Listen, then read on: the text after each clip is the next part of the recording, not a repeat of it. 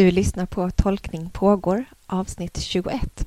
Idag pratar vi bland annat om tro, hopp och desperation utifrån texterna för den tredje söndagen efter trettonde dagen.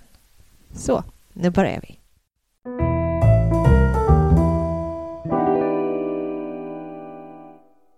Hej alla! Välkomna till Tolkning pågår, en teologipodd för dig som vill delta i tolkande samtal och för dig som vill få inspiration i predikoförberedelsen. Om det här är första gången du lyssnar, så tack för att du har tittat in. Den här podden släpps varje måndag och du kan läsa om varje avsnitt på tolkningpagar.blogspot.se. Lyssna kan du också göra på iTunes eller Acast och vi finns förstås också på Facebook. Alla länkar och all information du behöver finns på hemsidan. Och nu sätter vi igång med samtalet. Idag är det jag, Klara Nystrand, som sitter här och tolkar tillsammans med Marco Aldén, präst i Bunkeflo församling i Malmö. Och den här gången utgår vårt samtal från Johannes evangeliets fjärde kapitel, verserna 46 till 54. Och här kommer den texten. Han kom alltså tillbaka till Kana i Galileen, där han hade gjort vattnet till vin. En man i kunglig tjänst hade en son som låg sjuk i Kafarnaum. När han fick höra att Jesus hade lämnat Judeen och var i Galileen sökte han upp honom och bad honom komma ner till Kafarnaum och bota hans son som låg för döden.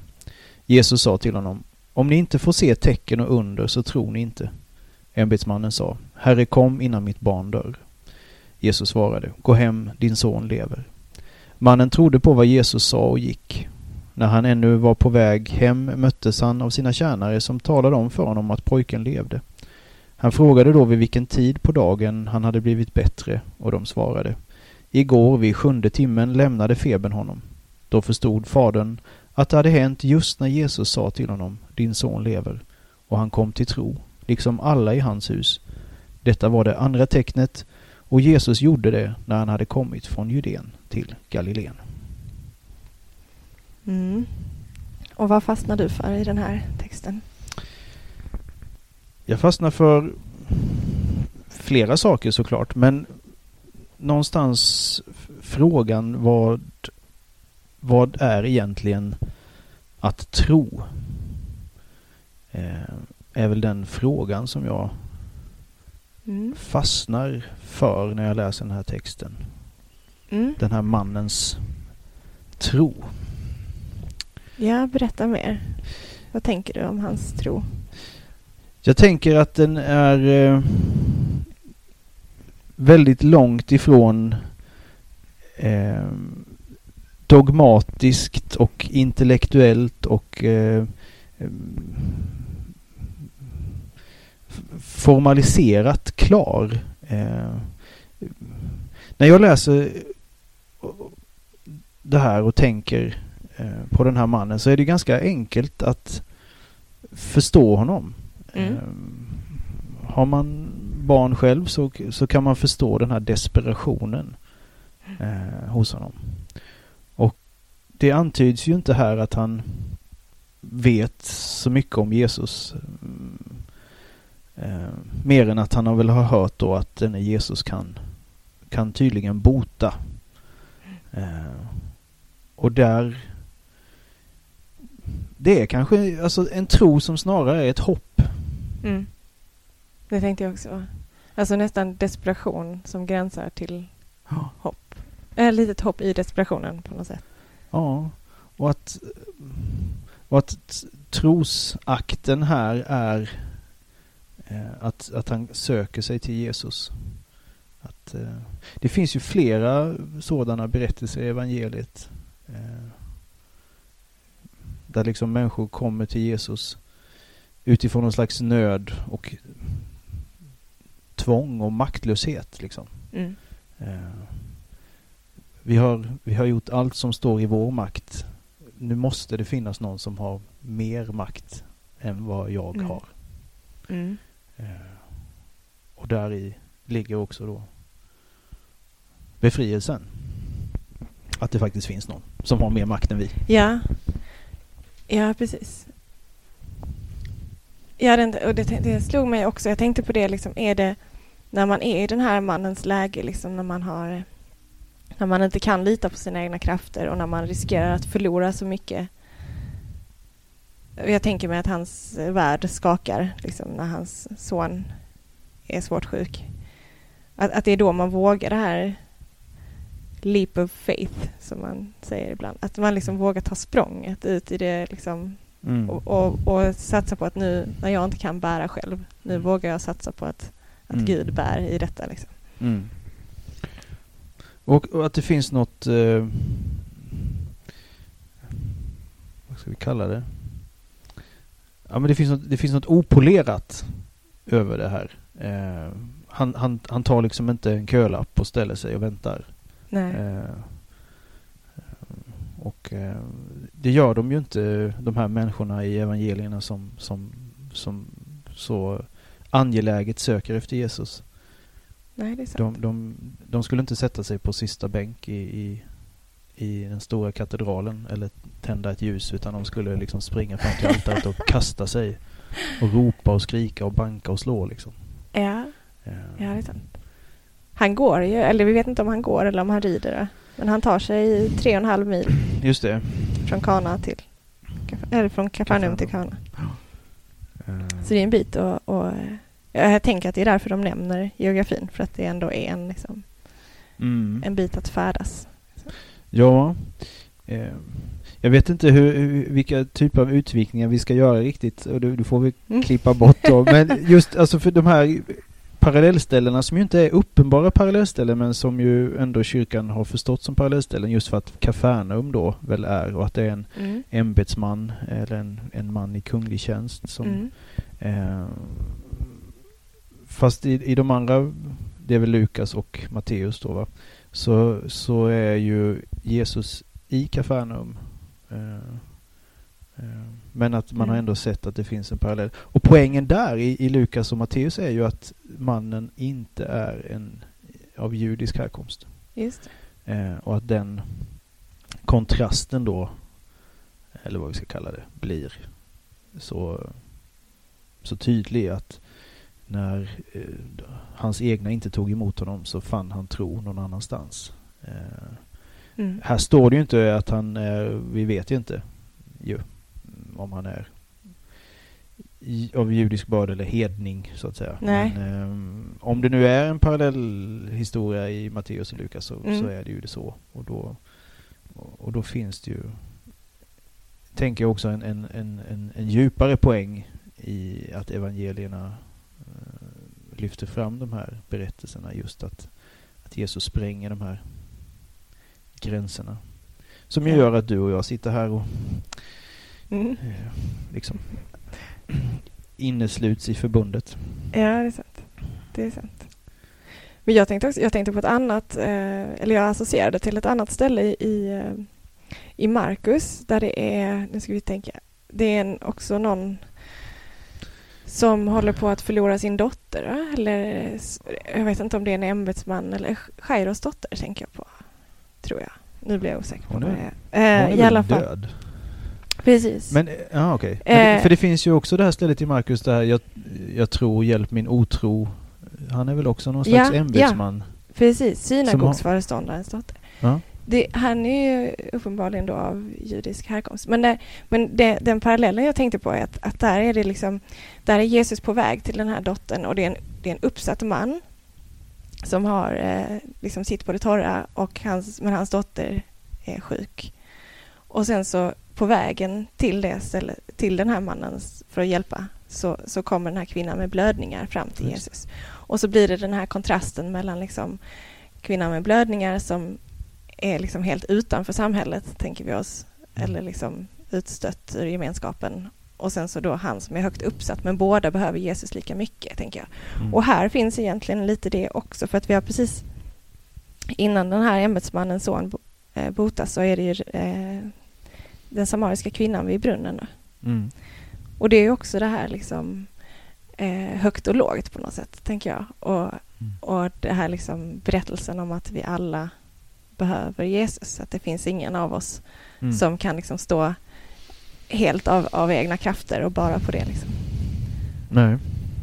Nej, visst är det så. Eh, och där eh, finns ju också än idag eh, det som ju på något sätt utmärker kyrkan från alla andra samhälleliga institutioner. Att eh, när man faller på knä vid altarringen så spelar det ingen roll hur ens årsinkomst ser ut. Eh, det finns inte så många sådana platser. Och eh, snart finns det kanske inte i kyrkan heller om vi inte eh, är mer angelägna om det. Men eh. Det, det, det, det, finns ändå fortfarande kvar här ja. hos oss. Att man är lika inför Gud på något sätt. Precis. Ja. Inför Gud är vi alla smålänningar. Säger jag som kommer från Småland. Det har inte jag Jag säger kanske bara i Småland. ja. Det är sånt som får klippas bort. Men är det någonting i den här texten som du tycker är svårt? Som du känner att du brottas med? Ja, alltså på ett sätt så är ju botande historierna alltid svåra tycker jag. Av den anledningen att det är eh, eh tycks vara en, en, en så stor diskrepans från vår tid och Jesu tid. Eh, jag tror att vi kan, eh, för många människor i, i, för många kristna så, som längtar efter och som är i behov av ett, ett under eh, och som upplever ett uteblivande. Eh, och de människorna har vi ju i våra församlingar ganska gott om. Och de, eh, för dem kan en sån här text tror jag vara eh, besvärande. Sen vet vi ju på ett intellektuellt plan och sådär att Jesus eh, han uppväckte inte alla döda och han botade inte alla sjuka och, och sådär mm. ens för den här tiden utan de har ju en annan en djupare innebörd eh, framförallt kanske hos Johannes då men eh, på ett rent själavårdsplan så kan det vara svårt att, att, att möta en sån här text när man själv är i behov av ett, ett under ja. och det uteblir. Precis, när man upplever den här mannens desperation ja. i sig själv. Liksom. Precis. Mm. Men jag tycker också det, alltså det här som du säger, det är speciellt i Johannes. Johannes talar om tecken. Mm. Och jag tycker det är en, en hjälp liksom, i det här att, mm. att de under Jesus gör i framförallt i Johannes, som jag tänker överhuvudtaget, är liksom, ska ju tala om någonting annat. Alltså det handlar inte bara om vad Jesus gör, utan det handlar framförallt om vem han är. Liksom. Att, att det, är, det är pedagogik på något sätt. Att det här, mm. Men han drar sig också. Han, han tvekar lite inför att göra sina under, i alla fall i de här två första tecknen i Johannes, liksom, att han tvekar, han vill inte. Mm. Och då tänker jag att han är nog lite rädd att bli missförstådd kanske. Mm. Eller liksom att han... Att vi ska stirra oss blinda på tecknen mm. istället för att se att tecknen pekar mot honom. Precis. Att man, man, man är ute efter gåvan men inte efter givaren på något sätt. Ja. Um, och här är han ju liksom ganska, uh, ganska brysk. Om ni inte får se tecken under så tror ni inte. Ja. Det, det ligger ju en anklagelse i det ja. från Jesus sida. Ehm, att eh, det är väldigt eh, frestande att eh, ja, men att vi begär eller vill, vill uppleva de här stora eh, omvälvande uppenbarelserna eh, i mm. form av botanden och annat. Och samtidigt när jag läser det så kan jag känna att men, Jesus bara missförstår den här mannen. Liksom, han är ja, inte ute efter något fast, eh, tecken, jag, han är ute jag, efter att få, hans son ska få Ja, leva. fast jag vet inte, ja, det står ju att Jesus säger det till honom, men jag men han uppfattar det ändå som generellt. att det, liksom, det, det är inte primärt till den här, han tar liksom chansen att undervisa de som står och lyssnar. Ja. Att, uh, Ja, så kan det Det finns ju ett par sådana ställen i evangelierna just där liksom han, Jesus tittar på någon och talar till någon annan och sådär. Så att det, det, det, Ja. Det ligger liksom underförstått i det. Och sen är det ju just att i Johannes då så avslutas ju, eller mot slutet av evangeliet, just det här saliga, det som tror fast de ännu inte har sett. Mm. Eh, som, som ligger som, en, liksom, som, en, som ett grundackord liksom, i hela den kristna tron. Eh, det är väl just att vi är tillbaka i den här maktlösheten. Människor kan inte förfoga över Gud. Nej. Eh, vi kan inte beställa fram Nej. det vi tänker oss är det bästa för oss. Och så. Vi kan be om det, vi kan i desperation skrika om det, men vi kan aldrig beställa det. Nej. Och så tänker jag också att den här maktlösheten också är en hjälp. Det, det, det är så här, det låter illa, men en, en, ett visst mått av maktlöshet hjälper mig i alla fall i min relation till Gud. För jag behöver hela tiden påminnas om att jag inte kan bära mitt liv på mina egna axlar. Att det är inte jag som är... Mm. Alltså jag kan inte med min egen duktighet och präktighet mm. ro hem allting. Så att Nej. när jag får liksom... Jag behöver emellanåt vissa stunder av lite maktlöshet och lite desperation för att liksom påminnas om, mm. om Gud och den roll Gud har i mitt liv. Liksom. Mm. Eh, men sen önskar jag såklart inte, varken för mig själv eller någon annan, den här situationen liksom med ett svårt sjukt barn. Det är verkligen inte, inte det jag säger. Nej, och man får också vara försiktig så man inte hamnar i, i, i, den här, i det här tankespåret att det är först i vår nöd som vi, eh, som vi inser vårt behov av Gud. Eh, empirin visar ju på något sätt att det, där är vi mer mottagliga. Ja. Alltså i vår utsatthet och så. Eh, men själva, om, vi ska, om man går till texten här som vi har läst idag så, så själva trosakten sker ju när sonen har blivit frisk och hela huset omvänder sig och tror. Ja. Alltså där sker ju själva eh, det är väl man ändå kan beskriva som själva tros handlingen hos den här mannen. Ja, är det, det är det? först där. Eller är det när han... Eh, när ja, han nej, jag, jag, ja, precis. Eller man, det är väl det som är det fina med det här, att man kan inte... Det finns inte en, en bestämd punkt kanske, utan det är... Alltså, tron är hela tiden en, en rörelse. Ja. Eh, och, ja. och, och, tron är lika stark i hoppet som ropar efter att sonen ska bli frisk som, som när man övertygar hela sitt hus om att det är denne Jesus man ska ja. Ja, men det, eh. det var ju fint. Det är en fin tanke att tron ser olika ut. Men det är, mm. det är lika mycket tro. Mm. Eller tro på olika sätt. Ja. Att söka sig till Jesus när man är, är desperat är en, ett sätt en att uttrycka form av tro. Liksom. tro. Ja. Uh. Jag tänker i alla fall, han vet i alla fall vart han ska vända sig. För det kan jag tänka när jag tänker på mina egna stunder av mörker och maktlöshet och så. Att det är det är skönt när man vet vart man ska vända sig. För oftast är det det som kännetecknar mörkret. Att man inte ens förstår vart man, var, man ska, mm. var man ska hitta ljuset. Liksom. Mm. Jag är ju så gammal så jag har ju predikat över den här texten någon gång. Mm. Eh, och eh, jag minns att jag vid något tillfälle den här söndagen har ju också en gammaltestamentlig text som på väldigt många sätt finns som liksom parallell då med mm. den här Naman. Mm. Och eh, jag vet att jag då liksom uttryckte det i, i, i termer av, och jag vet inte om jag skulle gjort det idag kanske, men i, som att jag försökte kontrastera vad jag menade var en liten tro mot en stor tro. Mm -hmm. Och det kan ju lätt leda eh, tanken fel att, eh, att man då ska pröva om man har en liten tro eller en stor tro och det är först när man har en stor tro som det blir någonting och bla bla bla. Mm. Men eh, min poäng var att en liten tro är en tro på sig själv. Medan en stor tro en tro på Jesus. En liten tro är en tro på att, att eh, det här ska ske enligt den, det mönster som jag själv har tänkt ut.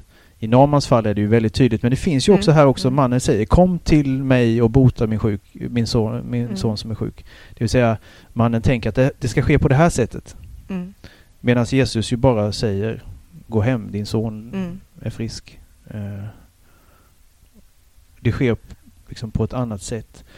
Och det, det, finns ju någon sån här klassisk slogan som Det är inte din tro du ska tro på utan på Jesus. Och det, där, det ligger någon, en, en storhet i det. Alltså när vi eh, när vi börjar och det var därför jag menade att det här med liten och stor tro kan leda tanken fel. För det jag ville få fram var ju just att när det är min egen tro jag tror på mm. så blir det väldigt bräckligt. Mm. Eh, då kommer jag hela tiden fundera, är den, är den tillräckligt stark? Är den tillräckligt stor? Är den tillräckligt bra? Är den tillräckligt fin? Mm. Men om tron har ett fäste i någonting utanför mig själv, mm. nämligen i Jesus, så kan det finnas en vila i det. Eller det finns en vila i det. Eh, ja. Och det är en, en nåd att få finna den ja. vilan. Det är sant. Nu associerar jag väldigt fritt här för nu kommer jag på en annan. Mm. Eh, men som sagt, du får klippa. Kör på. Eh, det, det, nu kan jag... Nu kan det bli lite fel här, men Thomas Sjödin skrev i den här eh, antologin som heter Stororden. Kommer mm. du ihåg den? Den gavs ut för massa år sedan. Mm. Jättefin bok, jag vet inte om den finns längre men är att få tag i. Men den är jättefin i alla fall. Och där skriver han om tro. Och jag tror att han har en av de här berättelserna just om någon förälder eller ämbetsman vars son mm. eller underhuggare är sjuk och sådär. Men han har också berättelsen om Mose eh, och Moses föräldrar. Där de eh, gömmer undan Mose först i tre månader. Mm. Och sen sätter honom är, i vassen. Är inte... Vilken är... Nu har jag ju förberett mig lite dåligt. Vilken är episteltexten här? Kan vi veta det? Ja, det kan eh, vi veta. Korintier... Jaha, det är det. Det är inte den här Hebreerbrevstexten. Där Eller? trons giganter eh, räknas upp. För där nämns ju bland annat eh, Mose då. Att de höll honom gömd i tre månader. Mm, nej, och, och sen... Eh, och sen eh, när de liksom insåg att vi, vi kan inte gömma undan vår son utan vi, vi, vi bygger en liten vassbåt och skickar ut honom på floden. Och då skriver Thomas Sjödin att just det ögonblicket är den största trosakten. När man mm. liksom inser nu kan vi inte vi förmår inte mer. Vi har gjort allt som står i vår makt men nu kan vi inte mer. Nu måste vi överlåta detta åt någon annan. Mm. Och då skriver Thomas Sjödin att det här det är den största trosakten en människa kan göra. Liksom, när man släpper allt och skickar ut sin... Han skriver det så vackert, jag kan inte riktigt citera ja. det men när man skickar ut sin sin vassbåt, sin tros vassbåt på, på flodens vatten och så. När du säger det så låter det både fantastiskt fint och liksom läskigt. Hur skiljer man då tro från ren dumhet? Liksom, Ja. Men, men, det vet man väl förhoppningsvis i hjärtat. Liksom. Ja. Undrar om man inte faktiskt också skriver någonting om det i den i den artikeln där. Vi får uppmana de som lyssnar på detta att söka upp denna boken, Stororden, och ja. läsa Thomas Sjödins artikel om tro. Det kommer hjälpa dem. Mm. Men när du läser den här texten, vad är liksom det glada budskapet för dig? Vad är det liksom, eh, brukar alltid man ska leta efter evangeliet. Och det, det är väl att, att Jesus har all makt i himlen och på jorden. Mm. Och att det här är ett sånt konkret exempel på det. Mm. Det är väl det ena spåret och det andra spåret är väl det som vi varit inne på just det här att vem, vem som helst har tillgång till denna makt genom sin tro. Alltså att vem som Samtidigt helst som vi inte kan styra, styra över den så har vi liksom öppen, öppen väg till det. Mm. Uh, man behöver inte be om ursäkt. För sin, sig själv, för sin tro? För sig själv, för sina behov, för sin längtan. Nej, just det. det. Nej, han behöver inte förklara sig. Han Nej. börjar inte med ursäkta, jag har... Precis. Det är väl också en, en styrka i den här texten och i, liksom i många av de här texterna att man, man man får ta sitt liv så som det faktiskt är och komma mm. till Jesus med det. Så här är det.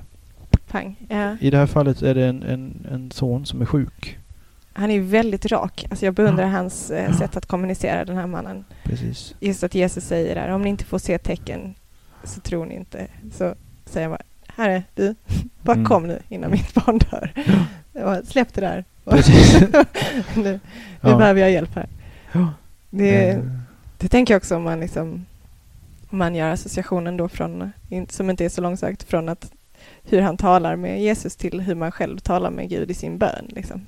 Mm. Att, att man kan släppa de här fina formuleringarna och så bara mm. vara, mm. vara rakare säkert än vad, ja. än vad man ofta är. Mm. Liksom. Ja. verkligen. Eh, den här frimodigheten i bön. Eh. Också just att släppa den här idén om att, att man ska presentera sitt, sitt liv och sin tillvaro inför Gud så som man tror att, att den borde vara. Ja. Uh, och istället bara liksom berätta om hur det är. För jag tänker Gud är inte intresserad av hur det borde vara. Nej. Uh, Gud är intresserad av hur det är. Ja. Uh, man behöver inte snygga till och sätta nej, ett schysst alltså filter över. Precis. Nej, Hela den här Jesus är inte så intresserad av den här Instagram-kulturen. olika Nej, filter. Nu har vi pratat i 26 minuter. Alla redan! Mm. Är det, det, någonting det som det är viktigt trevligt. vi har missat? Eller ska vi säkert. Ja, det är det säkert.